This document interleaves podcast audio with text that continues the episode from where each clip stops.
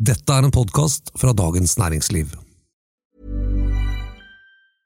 Ready to pop the question? The jewelers at BlueNile.com have got sparkle down to a science with beautiful lab grown diamonds worthy of your most brilliant moments. Their lab grown diamonds are independently graded and guaranteed identical to natural diamonds, and they're ready to ship to your door. Go to BlueNile.com and use promo code LISTEN to get $50 off your purchase of $500 or more. That's code LISTEN at BlueNile.com for $50 off. BlueNile.com code LISTEN. Sentralbanksjef Jens Stoltenberg. Hvor mange andre enn Stoltenberg selv leker med den tanken? Og er alle enige med Siv Jensen i at Carl I. Hagen er en nedrig politisk pensjonist? Dette er Den politiske situasjonen, en podkast fra Dagens Næringsliv. Med politisk redaktør Fridtjof Jacobsen og meg, kommentator Eva Grinde.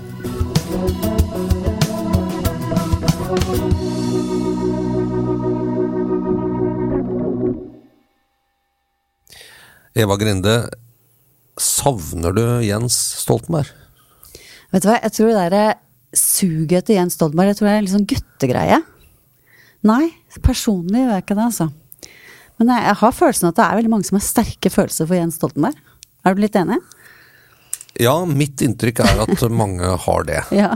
Og ikke minst i norsk politikk, og ikke minst i eh, store deler av Arbeiderpartiet.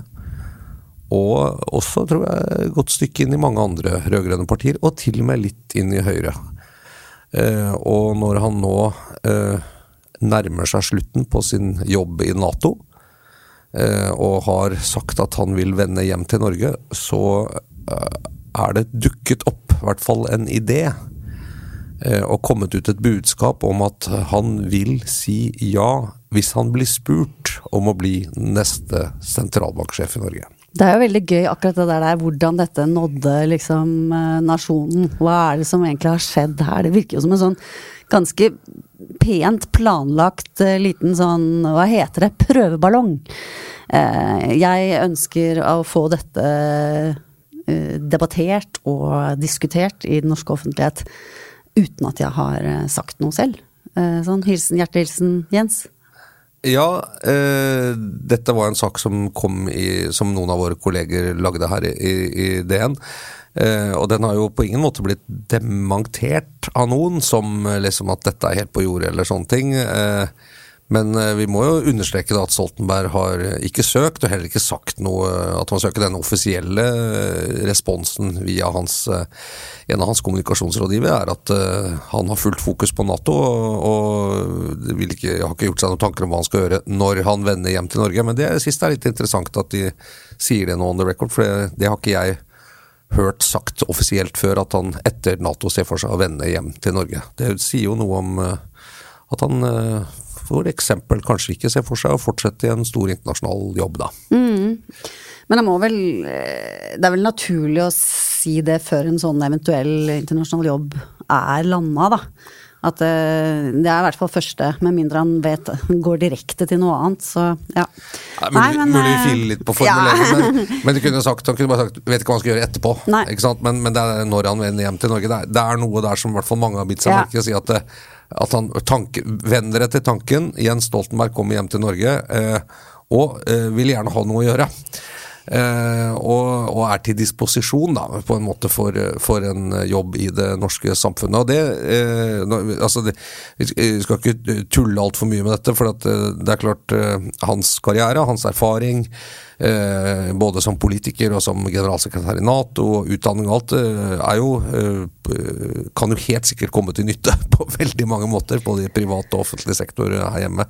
Han er jo en imponerende karriere og veldig mye kunnskap. Men, men dette med sentralbanksjef er jo ved første øyeblikk tror jeg mange tenker oh, yes, for en glimrende idé. ikke sant? Alltid opptatt av økonomi. Eh, veldig grei, stor pedagog på eh, samfunnsøkonomiske sammenhenger. Alle som har opplevd ham, vet at han er veldig god til å forklare og veldig engasjert i den biten av, av, av det norske samfunnet. ikke sant? Oljefondet, handlingsregel Veldig glad i grafer. Ja, ja, tegne og forklare og ja. ja, og gøy å høre på. Mye entusiasme. God, for, god foreleser, tror jeg. Han er jo mer enn den gjennomsnittlige politiker, også en fagmann. Ikke sant? Her. Og, Mm. og samfunnsriktig fag. Ja, og utpreget vil man jo si, i hvert fall. eh, Det var jo både kanskje rosen og kritikken mot han som statsminister. Veldig opptatt av å holde igjen på penga. Og at staten skulle ha, eh, eller Norge skulle ha sunn økonomi og trygge finanser osv. Og alt det rimer jo med den klassiske sentralbanksjefrollen. Eh, liksom et fremme økonomien og trygg økonomis betydning for at det norske samfunnet fortsatt skal være et eh, godt samfunn. Så sånn sett så er det jo en besnærende idé, da, vil jeg si. Det er jo det. Men, men det store, grunnleggende problemet her er jo eh, ikke sant, det behovet, og det som også er nedfelt i sentralbankloven, om uavhengighet for den stillingen. Og når du har da en mann som er liksom født og oppvokst i arbeiderbevegelsen, med veldig nært forhold til alle, alt som kan krype og gå i det partiet, så liksom melder spørsmålet seg blir du da politisk uavhengig nok i en sånn rolle. Ikke sant? Det er jo det som, som gjør at man ikke bare sier hipp hurra, da. Eller at, eh, at ikke bare hans positive eh, side blir trukket fram, men det er jo det store problemet her som gjør at det er knyttet stor usikkerhet til om det er aktuelt eller ikke.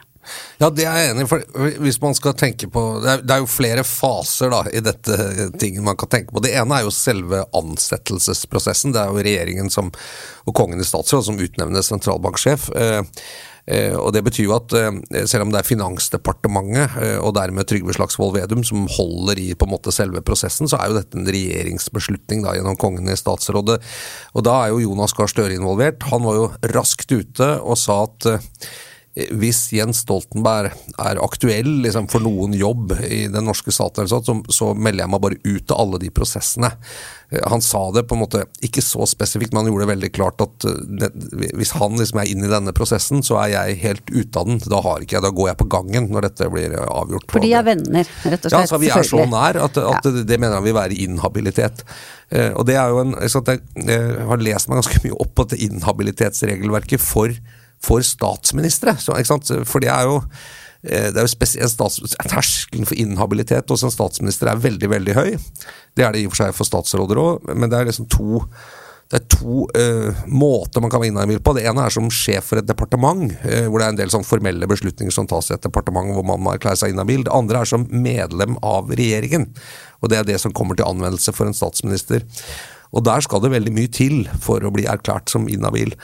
Eh, Da, da Mona Juel, som nå er FN-ambassadør, søkte jobben som FN-ambassadør i, i 2008, tror jeg det var, eh, så var det sånn at hun var veldig nær venninne av Jens Stoltenbergs eh, ektefelle, Ingrid Skjulerud, og også omgangsvenn Jens Stoltenberg. Og, og han måtte da be om en vurdering om, om han var inhabil som statsminister i den utnevnelsen. Det mente da Lovavdelingen i Justisdepartementet at han ikke var, men likevel så meldte han seg ut av prosessen. Så Mm. Ja, fikk ikke Mona jo- Juel jobben heller, da, men den gangen. Men, men, For det, det er jo opp til den enkelte, faktisk. Og eh, hvis du selv føler at du er inhabil, så er det ingen som sier at nei, det er du ikke. Du, du må være med her. Altså du kan, trekke, du kan erklære deg selv inhabil, men hvis du ønsker Hvis du mener at du ikke er det, men ønsker en objektiv vurdering, så, så kan det jo være at du eh, blir erklært eh, inhabil av andre pga. objektive forhold. Da. Men når, når Støre selv føler det sånn, så, så blir det jo sånn helt uavhengig kanskje av, eh, av de objektive forholdene der. Ja, men samtidig så står det også i de betenkningene som er ganske interessant, der at det skal ikke brukes som en unnskyldning for å slippe å ta ting som kan være kronglete politisk. Det må være en reell eh, eh, binding eller forbindelse mellom to mennesker som gjør at det trer i kraft. Du kan ikke bare si at Oi, dette er litt ubehagelig, så for å liksom ta litt sånn safe space på dette, så bare trekker jeg meg ut av det. Eh, fordi terskelen er relativt høy. Og noen statsråder har jo fått kritikk for at de er for raske med å erklære seg inhabile, eh, selv om eh, antageligvis, hvis de hadde spurt Lovavdelingen i Justisdepartementet, som, som gir ekspertuttalelser på dette, at de ville sagt at nei, dette er ikke tett nok. Men, Det- men her tror jeg ikke det er så mye tvil, da. Nei. Nei, det, det er et interessant, eh, en interessant side her. Jeg tror det var, du skrev vel en sånn formulering med Er løpet superkjørt, eller har uh, Jens Stoltenberg en så høy stjernestatus at, uh, at, at, han på en måte bare cruiser inn. Og da får man jo litt assosiasjoner til en viss annen ansettelse, ikke sant, som, som skapte store bølger og bruduljer for ikke så lenge siden. I omtrent ja, veldig nærliggende landskap. Altså Nicolai Tangen, ikke sant, som, som jo Eh, det kan se ut som eh, han satte eh, styret i Norges Bank ganske sånn De ganske, fikk ganske stjerner i øya av at han var interessert i den jobben, ikke sant. Da de ikke kom med krav til han før etterpå osv. Hele, den, hele den saken der. Ja, den var litt lei, ja. Den var litt lei, ikke sant. Og, og, men så, så, lurer jeg på Jeg har, jeg har en ganske sånn klar følelse av at Finansdepartementet ikke er like lette å Altså sånn at, at liksom ikke er like lette å la seg vippe. Og jeg tror kanskje det sitter folk der som er i stand til å vurdere ganske sånn kjølig om det er lurt eller ikke lurt. Ja, ja.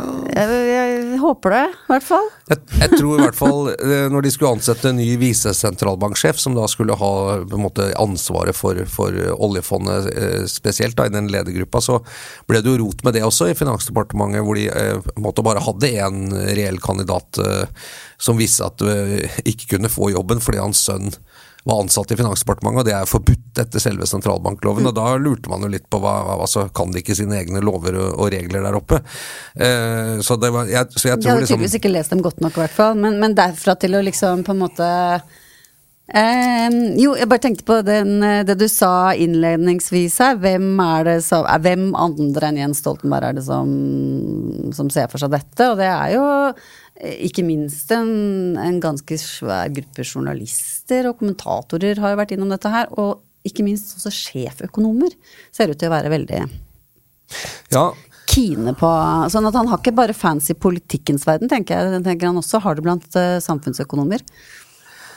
Ja, han er jo en uh, uh, Han er mye, men han er jo også Hvis du er samfunnsøkonom og vil at samfunnsøkonomfaget på en måte skal ha en uh, veldig god uh, posterboy, på en måte, i en fremskutt posisjon som kan på en måte fremme det og det perspektivet på samfunnet fra, fra en veldig fremskutt posisjon som sentralbanksjef, med det, den arenaen det er, så er jo Jens Stoltenberg drømmen. ikke sant? For han er jo på en måte Eh, han er jo Norges kuleste samfunnsøkonom, mm. og mest kjente samfunnsøkonom, selv om han ikke har praktisert så mye eh, som det. Så, så, jeg kan forstå liksom begeistringen for at han, eh, som sant, er en av oss, og som har vært statsminister og generalsekretær i Nato, som skal hjem nå og ta den jobben, fordi at det vil, det vil gjøre liksom hele vårt perspektiv på samfunnet utrolig sånn potent i offentligheten, framfor å ha en litt mer grå eminense, kanskje. Akkurat som Tangen er liksom posterboyen for finansfolka, ikke sant? Ja, og hadde veldig stor backing der. Ekstremt stor mm. backing. Mm. Ja. Det, var jo, det, var jo, virkelig en sånn der eh, instinktreaksjon fra veldig mange i økonomi- og finansmiljøet på, på, at dette er veldig, veldig spennende mm. Eh, mann, ikke sant. Eh, noen av dem lurer jo litt nå, men Posterboy er kanskje et veldig bra Et veldig bra merkelapp. Ja, det, Du er mest glad i Bad Boys, som du har skrevet om, men bad der, der tror jeg ikke Jens Stoltenberg er. Altså, man er ikke noe bad boy. Men nei, det, det, Og jeg tror nok han ville være Altså sånn for hva det har vært. Jeg tror ikke det er jo ikke noe grunn til å tro at Jens Stoltenberg ikke ville skjønt hvor grensene går, og, eh, eller grunn til å mistenke ham for å liksom, utnytte sine politiske kontakter til å lage en slagside i en sånn jobb. ikke sant? Men idet noen kan stille spørsmål om det, så har du et problem. ikke sant? Så det, det, er, det, det er, jo der det ligger. Og Vi snakket om på morgenmøtet i dag også dette med liksom, er det bra eller dårlig at han har den internasjonale erfaringen fra Nato.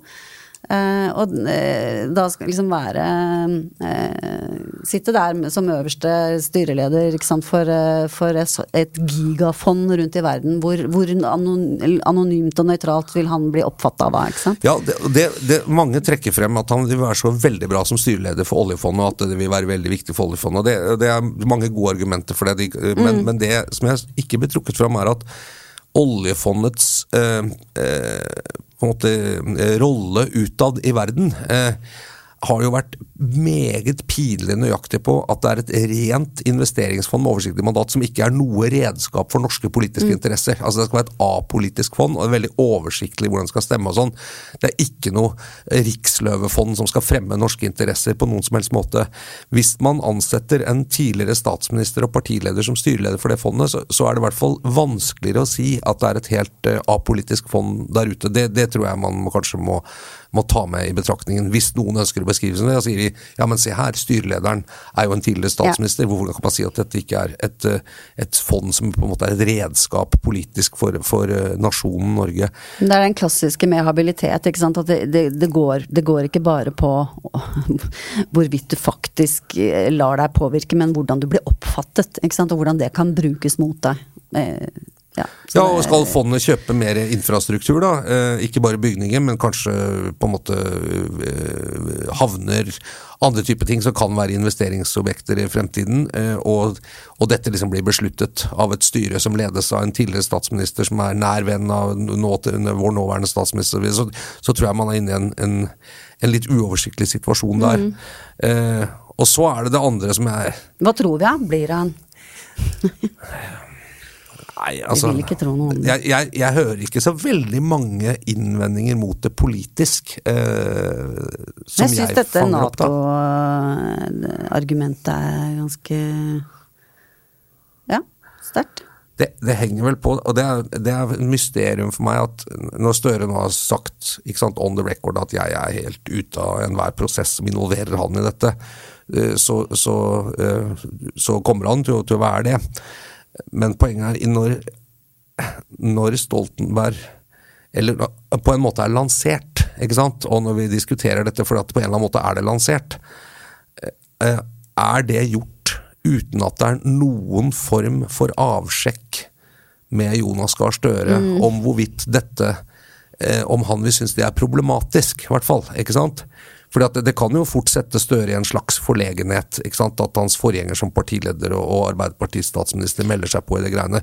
Så, så har han liksom har, han ikke, har, det ikke vært gjort noen form for føler i om liksom Støre helst vil unngå det eller ikke det? Men for meg er det litt åpent noen, spørsmål. Tror du ikke de har noen Tror du ikke de har noen metode for å, for å finne ut sånt uten å tråkke over grensene? Uten å ta det på skitur, liksom? Via ja. via. Ja, uten å måtte gå rundt Sognsvann. Ja, ja.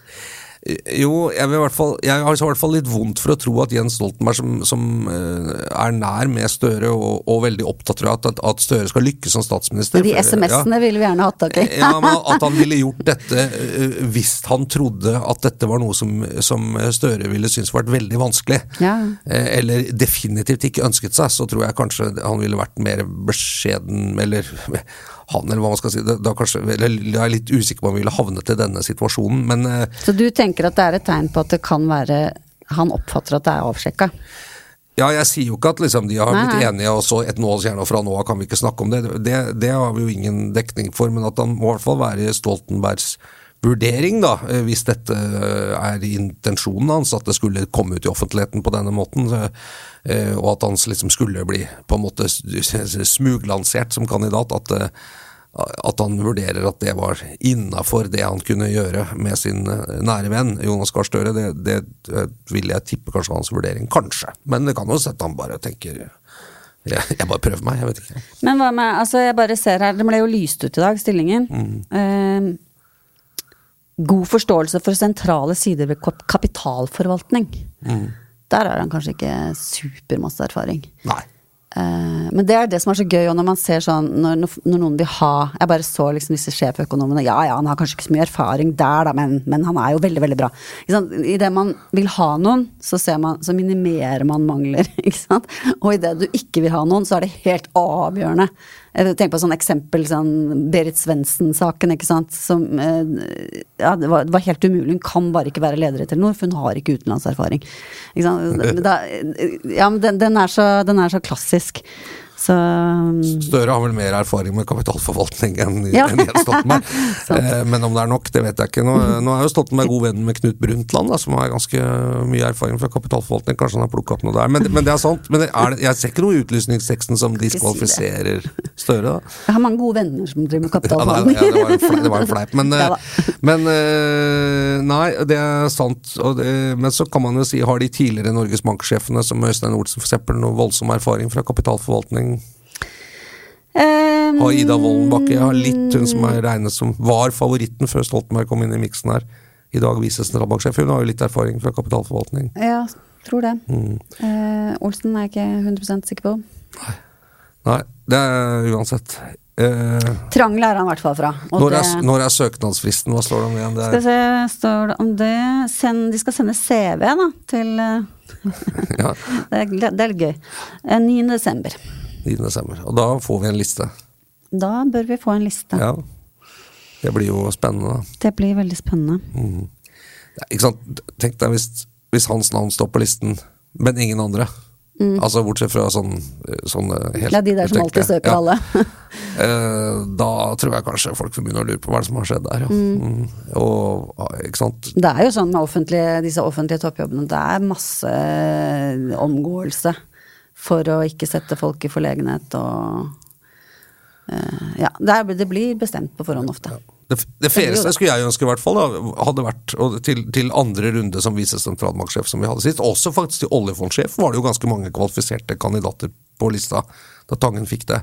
Inklusive nestlederen i, i, i oljefondet, Grande, Trond Grande. Men, men hadde vært om vi rett og slett fikk en mer sånn vanlig at vi fikk en søkerliste med mange gode kandidater eh, som var offentlig, og så kunne man på en måte diskutere ut fra, eh, fra fakta, og ikke liksom fra eh, lanseringer. Og, og da ville det liksom også vært litt sånn ja hvis jeg blir spurt, nei, altså kanskje heller kunne si ja, jeg har søkt, og jeg kan godt eh, fortelle hvorfor jeg vil ha jobben. Altså ville liksom kanskje vært tror jeg hvis man, hvis man skal gå inn Hvis Stoltenberg skal gå inn i jobben med den nødvendige tillit, så må han nok også være villig til å ta den debatten selv. ikke sant, Og melde seg som søker og på en måte ta og Ja. forsvare sitt kandidatur. da, Og Og er- også på den adresseringa her, da. Det som ofte er vanskelig i de sakene, er jo at man sitter i en annen lederstilling. ikke sant? Og idet du forteller alle dine undersåtter at nå har jeg faktisk hodet mitt et annet sted? Så, er det, så er det ikke bra for organisasjonen. Og, og det er en sånn veldig forståelig grunn for at man ønsker å eh, Men, men det er jo ikke tilfellet her. Ikke tilfellet Så, sånn, og, og jeg syns også jeg mener også at den der redselen for å vite at du søker andre jobber,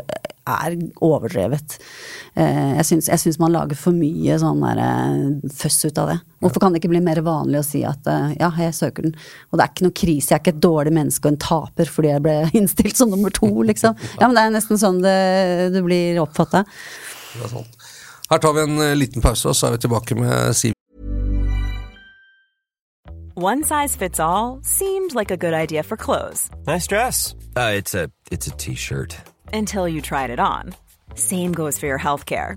That's why United Healthcare offers a variety of flexible, budget friendly coverage for medical, vision, dental, and more. So, whether you're between jobs, coming off a parent's plan, or even missed open enrollment, you can find the plan that fits you best. Find out more about United Healthcare coverage at uh1.com. That's uh1.com. It's that time of the year. Your vacation is coming up. You can already hear the beach waves, feel the warm breeze, relax, and think about work. You really, really want it all to work out while you're away. Monday.com gives you and the team that peace of mind. When all work is on one platform and everyone's in sync, things just flow wherever you are. Tap the banner to go to Monday.com. Many of us have those stubborn pounds that seem impossible to lose, no matter how good we eat or how hard we work out. My solution is PlushCare. PlushCare is a leading telehealth provider with doctors who are there for you day and night to partner with you in your weight loss journey. They can prescribe FDA-approved weight loss medications like Wagovi and Zepbound for those who qualify. Plus, they accept most insurance plans. To get started, visit plushcare.com slash weight loss. That's plushcare.com slash weight loss. Jensen. Ja, for eh, de politiske biografiene, eh, det er jo høstens eh, hva som er nedrigste eventyr. ja, ikke sant? Eller Siv Jensen har gitt ut bok. Det har hun. En, en, definitivt en selvbiografi. Ført i pennen av tidligere Dagbladet-journalist Gunnar Ringheim, men, men i jeg-form, og, og en, eh, en personlig bok. og Smurte med så i dag. Dette er min historie, det er min opplevelse. Det er mulig andre har andre versjoner, men sånn er det jeg så på saken. Ja. Enig. Og den er veldig hva skal vi bare si, den er overordna, så er det jo en veldig lettlest bok. Det er en befriende kort eh, biografi til å være politisk biografi. Um, um, og den, er, og den er, bærer preg av å være skrevet kjapt og liksom litt sånn top of my head. Hun har liksom ikke vridd hodet masse for å komme med interessante nye analyser på ting og sånn. Hun forteller sin historie. En god del er jo kjent. Jeg tenker på det meste, liksom at hun har vokst opp i Majorstuakrysset i en skobutikk og ja, en del av hennes bakgrunn uh, er, jo, er, jo, kjent fra før. Men, men, det som har kanskje fått mest oppmerksomhet, er vel at hun, uh, i motsetning til hvordan hun har ført seg og oppført seg som leder av Fremskrittspartiet i alle disse år, med en ganske vanskelig sjuende far i huset på skulderen, så, så var dette akkurat som hun liksom Endelig skal jeg si hva jeg egentlig tenker og mener uh, om Carl I. Hagen, da. Ja. Så, Der var det ikke mye det, det, er ganske mye rosa Carl I. Hagen så lenge han er partileder. Du sier ja. løfter henne veldig frem og Veldig. Ja. Hun forteller jo det, så hun, hun er jo ikke hun er jo ikke Det er jo ikke verre enn det, liksom. Hun ser jo fortsatt hva han betydde for henne tidlig i karrieren. Men, men det hun øh, jo da ikke legger noe imellom på, er hvor vanskelig det var å ha han som en sånn kritiker. Sånn knirkete kritiker oppå veggen. Øh, som på en måte Ja snakket henne ned i alle mulige sammenhenger og var veldig vanskelig å ha med å gjøre. Ja. Uh, men jeg lurer litt på jeg, Altså, hun hun går jo, hun går jo Det er det du snakket om nedre, ikke sant. Hun snakker om eh, at eh, Carl og Eli ble bare mer og mer nedrige, ikke sant. Og um, en god del sånne måter hun, hun, hun, snakker om på som er veldig sånn absolutte merkelapper, uten å egentlig forklare så veldig mye hvorfor hun kommer fram til det. Altså, jeg syns Jeg bare lurer på hvor lurt det er av henne. Jeg tror at det hadde vært smart av henne å beholde denne litt sånn statskvinnerollen sin som hun har hatt uh, overfor Carl I. Hagen. Og så la han bare smelte i sitt eget Altså, folk ser hvordan han holder på. Jeg syns hun på en måte gikk litt ned på hans nivå, da. Uh, ved å skrive på denne måten. Det, det, kunne vært interessant hvis det var litt mer sånn inngående hvordan er det å prøve å lede en organisasjon hvis du har liksom den forrige lederen som bak deg som prøver å stikke kjepper i hjulene. Og, eh, altså litt mer sånn detaljert, men det, mer, det er mer sånn wam-bam, liksom slenger meldinger og nå skal jeg endelig si hva jeg mener, men så blir det ikke noe sånn dypere innsikt, da, egentlig hva, hvordan det var. Nei, det er, jeg også syns boka var, det var litt sånn tell, don't show. Det var, det var. Veldig, veldig bra oppsummert. Ja. Mye tell, don't show, og det er en svakhet, ikke sant. Mm. Eh, for da, du blir litt sånn, du har lest den, så er det akkurat som du har spist en pose med smågodt, liksom. Altså det er litt sånn, hva, hva skjedde nå? Det var eh, ja, men det er litt, litt, altså, på en måte litt tilfredsstillende synes jeg, å lese. Ikke, ikke fordi det, altså, Man har jo skjønt, alle som ikke sant, akkurat som Hvis du kan se hvordan Carl I. Hagen holdt på mm. da hun var partileder, så skjønte man jo at, at han var Eh, på en måte fæl med henne, og, og, at han prøvde å underminere med henne og, og snakke henne ned offentlig osv. Og, så og kom med karakteristikker og var en illojal eh, ekspartileder, kan man jo si. Eh, ikke så veldig uvanlig fenomen. Eh, I Arbeiderpartiet så kjenner man at Jagland eh, har jo på en måte sendt små stikk til Jens Stoltenberg eh, jevnt og trutt ved mange anledninger, han også. Bokform og ja, andre former. Ja. Mm. Så, så, det der det, sånn, De går ikke av med grace, alltid, da, partiledere. Men, men, men jeg syns den boka det, det er interessant, syns jeg, og som jeg egentlig skulle Siv Jensen ha litt ros for, at hun ikke prøver å gjøre seg liksom mer litt sånn etterpåklok, eller etterpåverdig, på en måte. Ja. Ja, du får et ganske stort innblikk her at uh, politikk er følelser. Uh, det er personlige sympatier og antipatier. Hun forteller f.eks. For om sitt forhold til Trine Skei Grande, hvor de kunne være ekstremt uenige, men de hadde en slags personlig uh, kjemi som funka, mens hun hadde en total mangel på kjemi med Ola Elvestuen, f.eks., som var nestleder.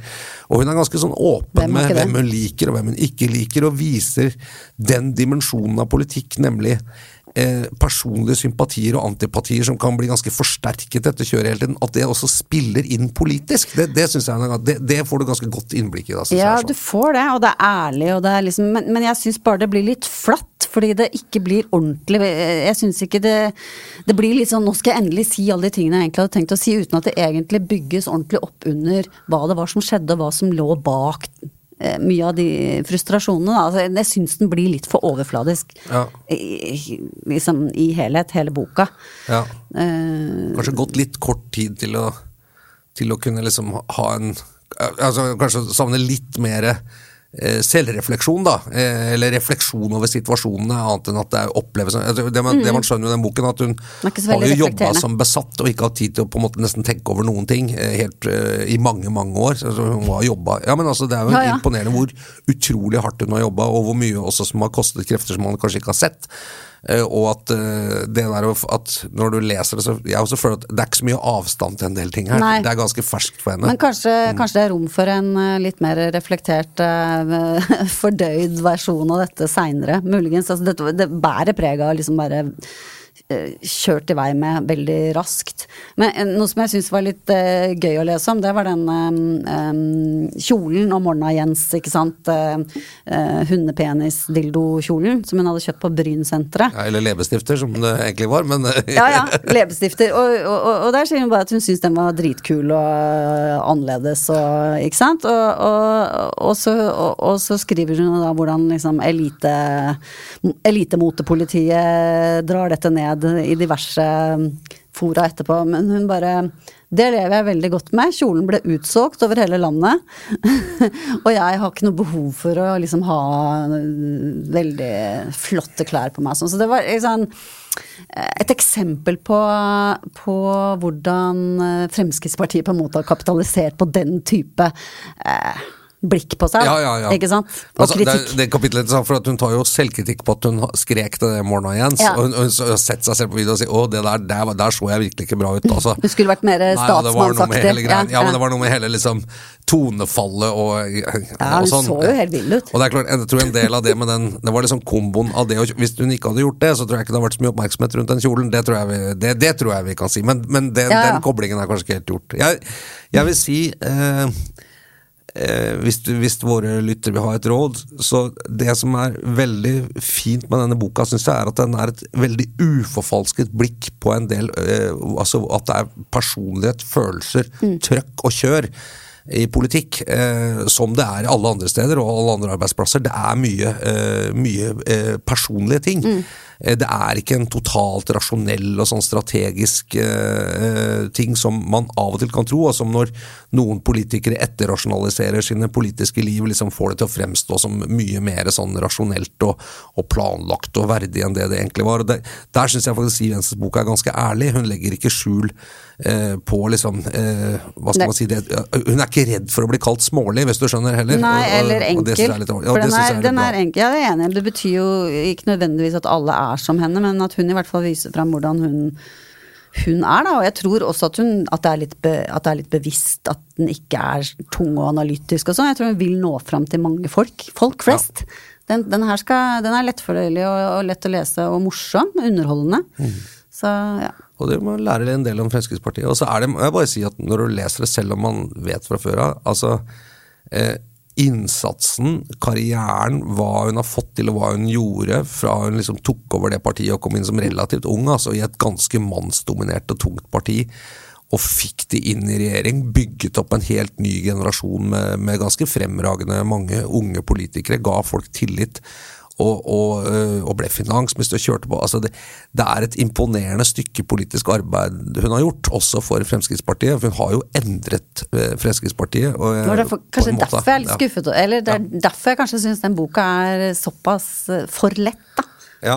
At det er, det er kontrasten til den, den, den politiske skikkelsen hun faktisk har vært, og hvor Ja, viktig hun har vært. Jeg syns hun skryter litt lite av det, men mm. det er kanskje også litt sånn øh, Kanskje et uh, forsonende trekk. Men uansett, eh, hun sier på slutten også at hun er ekstremt lettet til å være ute av politikken, Ja. og er ferdig med det. Og lover godt, liksom. ja. på tro og ære at hun Så- aldri skal tilbake. Ja, så vi får bare takke for den boka, og kanskje derfor så var det litt viktig å bare få den ut så fort som mulig, så man skulle ikke sitte og tygge på alt man skulle gjort og kunne gjort i tre år til.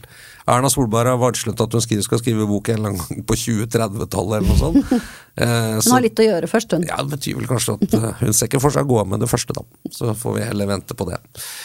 Eh, Det var den politiske situasjonen denne uka. En podkast fra Dagens Næringsliv er det, med, med Eva Grinde, som er kommentator i DN, og meg, Fridtjof Jacobsen, som er politisk redaktør. Og så kan du høre på alle mulige rare flater og kanaler eh, så hvor dette her sendes. Vi blir glad hvis du abonnerer, og gjerne hvis du sprer ordet om at vi fins til de du tror måtte ha glede av det. Produsenten vår heter Oskar Bremer, og vi høres igjen neste uke. Ha det bra.